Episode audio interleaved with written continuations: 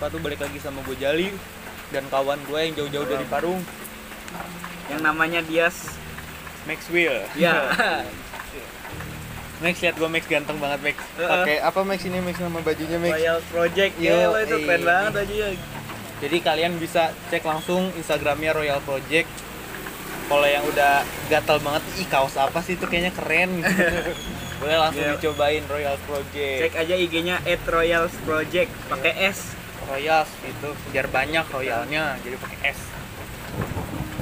kita mau bahas apa nih Jal? Jadi bahasan kita hari ini rada berat Max. Gelo, sini. apa tuh? Kita bakal bahas ekonomi negara. Hmm. ekonomi negara di saat pandemi. Berat banget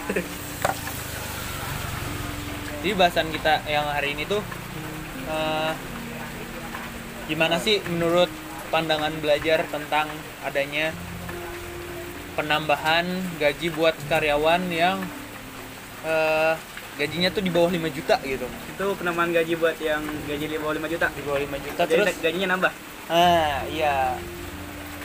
Ditambahin tuh 600 ribu gitu, sekitaran Oh. segitu, katanya 15% dari gajinya. ya sebenarnya sih bagus-bagus aja cuma kan pasti kan di pandemi ini sulit juga kan Hmm.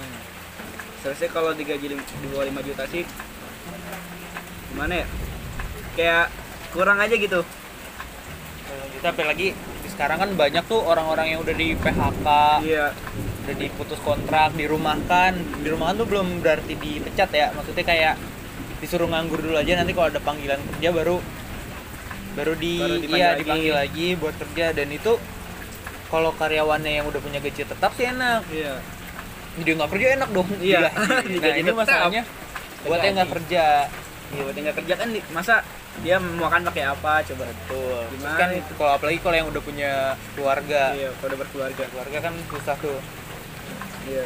Nah semalam semalam gue nonton ini di Mata Najwa. Ah, Iya, angle apa tuh? tuh? narasumber biasa. Iya. Cantik. Oh, iya. bukan itunya Najwa.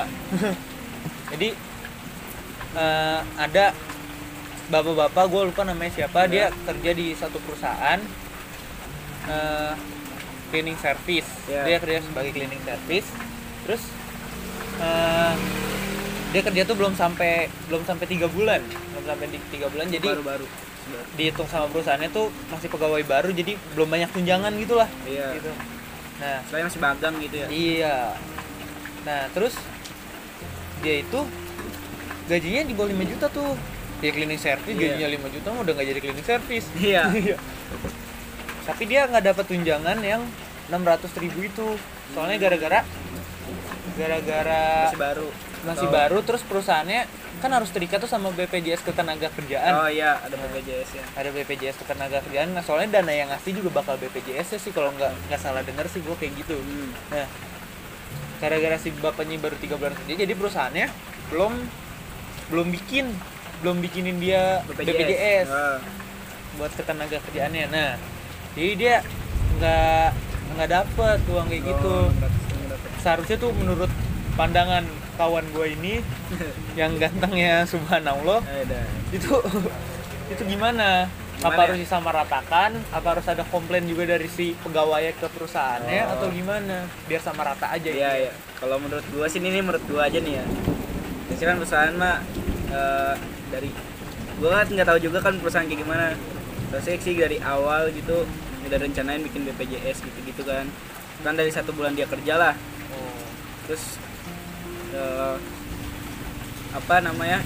Itu juga sebenarnya nggak adil juga maksudnya. eh, istilahnya kalau orang apa cleaning service yang lain udah apa namanya udah dikasih yang 600.000 ribu itu Iya, masa dia enggak sendiri Walaupun dia namanya pegawai baru masa sikapnya harus nggak seadil itu Iya. karena belum dia harusnya belum tiga bulan kerja gitu Iya. kan. walaupun lagi 5 juta juga udah cukup lah istilahnya di bawah 5 juta misalkan 4 juta juga udah cukup gitu Seharusnya ditambahin keterangan lagi sih kalau menurut gua. Ah, Jadi 5 jutanya kan 4 juta 500 juga di bawah 5 juta. oh iya sih Kalau bisa ditambahin 600 kan dia jadi lebih dari 5 juta Iya, kan jadi gajinya. 100. Nah, itu harusnya ada keterangan lebih lagi. Nggak nggak semua orang yang di bawah 5 juta diratain tuh ditambahin 600 ribu. Soalnya kan iya iya. ini pandangan gue buat anak-anak yang baru lulus kuliah atau dari SMK ada yang maksudnya iya. dapat gajinya UMR doang. Ya. UMR gaji UMR kan di bawah 5 juta tuh. Iya di juta. Nah kalau misalkan yang 4 jutanya 4 juta 500 Hmm. itu kan Nah. jadi jadi nggak rata juga tuh sama. Jadi dia iya. dapat gajinya 5 juta. Ini lagi duduk ya guys. Lagi badai dahsyat sepertinya akan datang jadi ada backsound main drum. Iya nih maaf maaf ya. Lagi di Maaf, luar iya, soalnya ini di luar kita.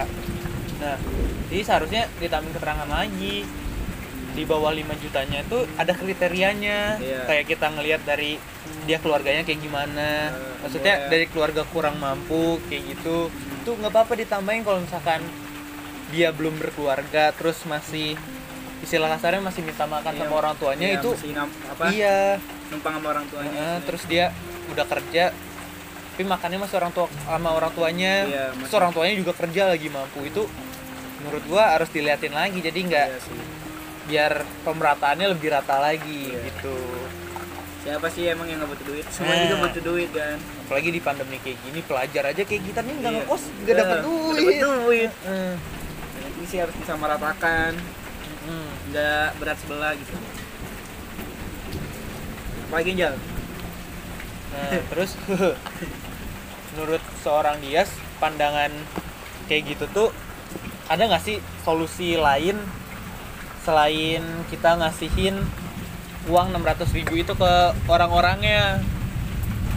Apa ya? Eh, nggak gini dulu deh. Gimana Eh, tepat nggak tepat nggak kayak gitu nambahin 600.000 ribu tuh tepat nggak ke orang-orang sebenarnya tepat sih soalnya kan tepat sasaran ya soalnya kalau misalnya kita ngeliatnya dari rakyat miskin gitu iya eh, eh, dari orang kurang mampu ditambahin 600.000 ribu gelo lumayan iya tuh lumayan 600.000 ribu mah ribu Kongko juga nggak habis semalam di rumah. bayar listrik Iya. buat bayar Air. yang lain kan Nambah nambahin bayar sekolah kalau yang sekolahnya udah Iya. jalan. buat sekolah buat, buat, buat anak kan sekarang lagi pandemi gini kan Mm-mm. pasti kuota tuh uh, Betul, betul. kan biasanya orang-orang apa apa ya namanya HP yang nggak ada gitu bisa ini Bisa di ditambah-tambahin HP, ya. Jadi kayak misalkan 600 ribu yang nggak kepake juga kan bisa buat tabungan. Iya.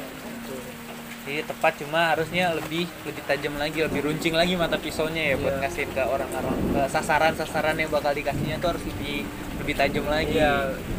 Oke oke oke ngerti. Nah, banyak banget nih dari teman-teman gue juga apa bukan teman sih apa namanya tetangga tetangga kan pada punya anak gitu pada kalau belajar online pasti pada susah kan Oh berarti kan- 600 ribunya bisa dipakai buat nambah-nambahin anak yang Iya. beli kuota.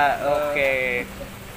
soalnya kan kayak gua lah gua di rumah nggak ngapa-ngapain kan gak dapet duit istilahnya orang tua juga gitu gitu aja betul betul betul jadi kalau misalkan uangnya nih Hmm. uangnya nggak dikasih dalam wujud wujud uang Iya, wujud gitu. uang. bantuannya sorry bukan uangnya nah bantuannya bukan dikasih dalam wujud uang itu ada ada pemikiran lain nggak selain selain uang yang bakal dikasih ke, apa ya ke karyawannya itu ada bentuk lain kayak misalkan ini bisa nih anak ini mah dikasihnya sembako aja Iya, sembako. gitu soalnya gajinya udah memadai misalnya Oh, kan iya. kayak gitu kan nah Nah. itu kayak gimana tuh menurut seorang Dias?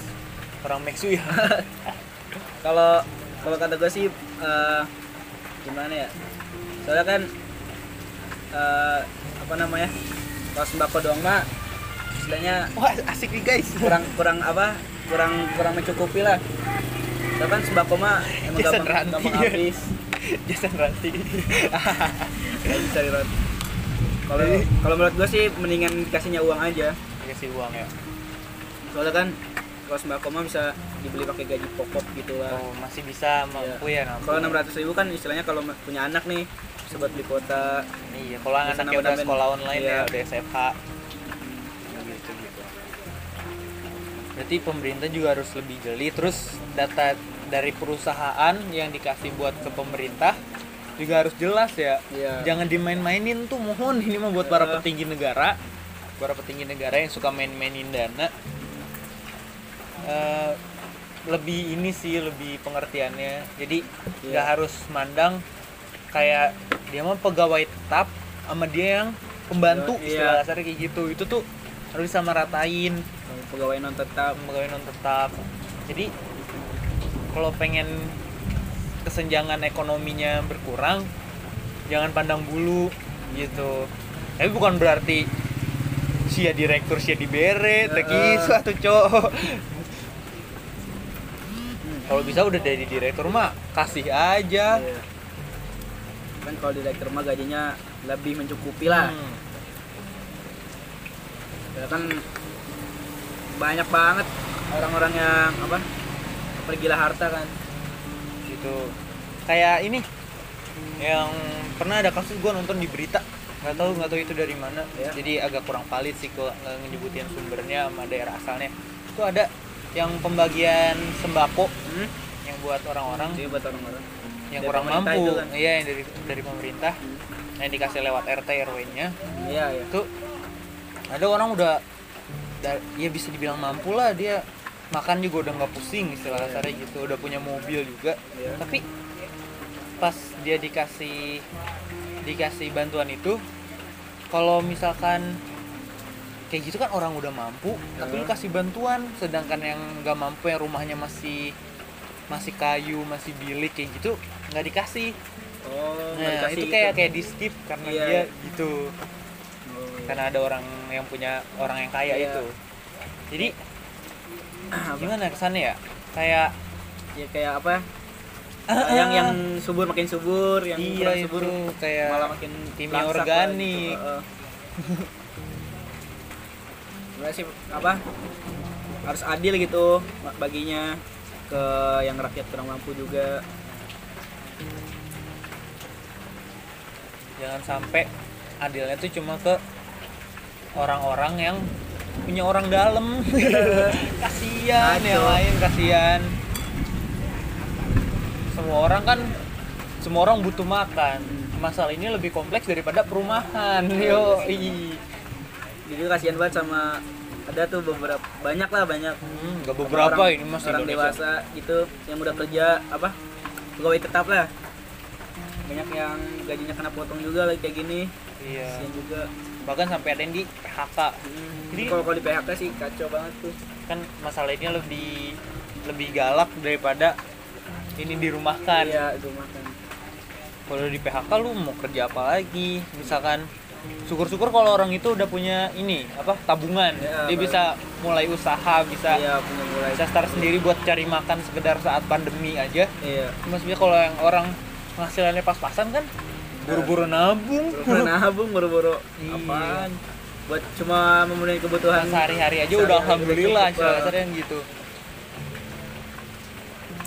jadi agak agak sulit negara ini kita bahas Ya. ekonomi ya. Bahasan kita berat guys hari ini. Ya bahasan kita berat tapi ilmu kita dikit guys. Iya. jadi di ya pandangan cuma pandangan kita aja rakyat, nih mah. rakyat dasar Iya. pandangan tentang adanya apa eh, masalah ekonomi, Masalah di ekonomi. negara saat pandemi biar kita berdua yang ngomong. Ya sial ya kan pandemi gini mah ekonomi negara juga turun. Eh, ekspor impor juga kan turun. Oh Maksudnya- mungkin ini kali ya eh, kenapa kenapa presiden nggak nggak bikin peraturan lockdown di Indonesia gara-gara kalau misalnya perusahaan tutup kan berarti ekonomi ma- mampet dong.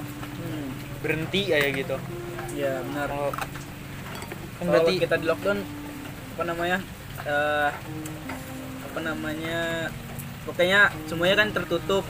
Jadi nggak ada kan supermarket Karena pada tutup gitu tempat-tempat makan pada tutup. Kayak eh anjing motor nih.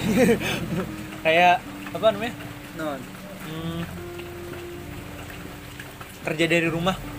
Ya. Eh, work from home. From home. Eh, kan itu mah cuma orang-orang yang bagiannya di kantor. Kalau misalkan kayak perusahaan yang Pegawai ada kasar. pabriknya. Iya. nah itu yang pegawai kasar Pegawai istilah kasar. kasarnya gimana ya kan tuh? harus tetap di ini dong Iya. tetap di lapangan Hmm. kalau misalkan Pertamina buka eh semua pegawainya Ya. eh, kerja dari rumah di rumah yang ngisiin bensin Iya, siapa iya. Gitu. ngantar-ngantarin bensin siapa iya bisa pusaka nggak jalan dari Iya. Bogor ke Tangerang ya betul kacau Ini kata gua apa apa namanya keputusan pemerintah apa udah mencukupi lah kalau lockdown sih gimana ya pasti kalau lockdown semuanya juga susah terus ekonomi juga pada turun kan Eh, pasti lockdown mah berjangka lama gitu nggak nggak cukup seminggu dua minggu kan terus yang anehnya lagi gini apa rakyatnya juga belum tentu belum tentu nurut semua Iya. kan Nggak- belum tentu lockdown Heeh. kayak kita nih sebenarnya membandalkan diri ya Iya. Mas. sampai sempat sempatnya bikin kita podcast mah kayak deket gitu pada masih terus eh, pakai ini juga dong protokol covid tetap ya. Iya, tadi sebelum bikin pakai hand sanitizer pakai iya. masker. Selalu. Cek kopi. Ini kita ngebahasnya soalnya dari sisi ekonominya ya bukan Iya. dari kesehatan. Kalau dari kesehatan gue setuju banget tuh adanya lockdown. Soalnya itu bener-bener mutusin sih mutusin Mutusin rantai penyebaran. ya. iya betul sekali. Kalau misalkan kebanyakan kasus nih kacau ini kita nggak sekolah-sekolah ini kacau ekonomi di kita juga jadi masalah finansial Iya, nantinya. bener. Iya jadi sekian dulu podcast kita yang bahas-bahas ekonomi negara di saat pandemi. Kurang lebihnya mohon maaf kalau ada salah-salah kata. Tolong dimaklumin aja namanya kita ngomong masih pelajar masih belum paham tentang ekonomi. Terus sekolahnya juga beda nggak ngebahas-bahas ekonomi jadi mohon pemaklumannya. Kurang lebihnya mohon maaf. Wassalamualaikum warahmatullahi wabarakatuh.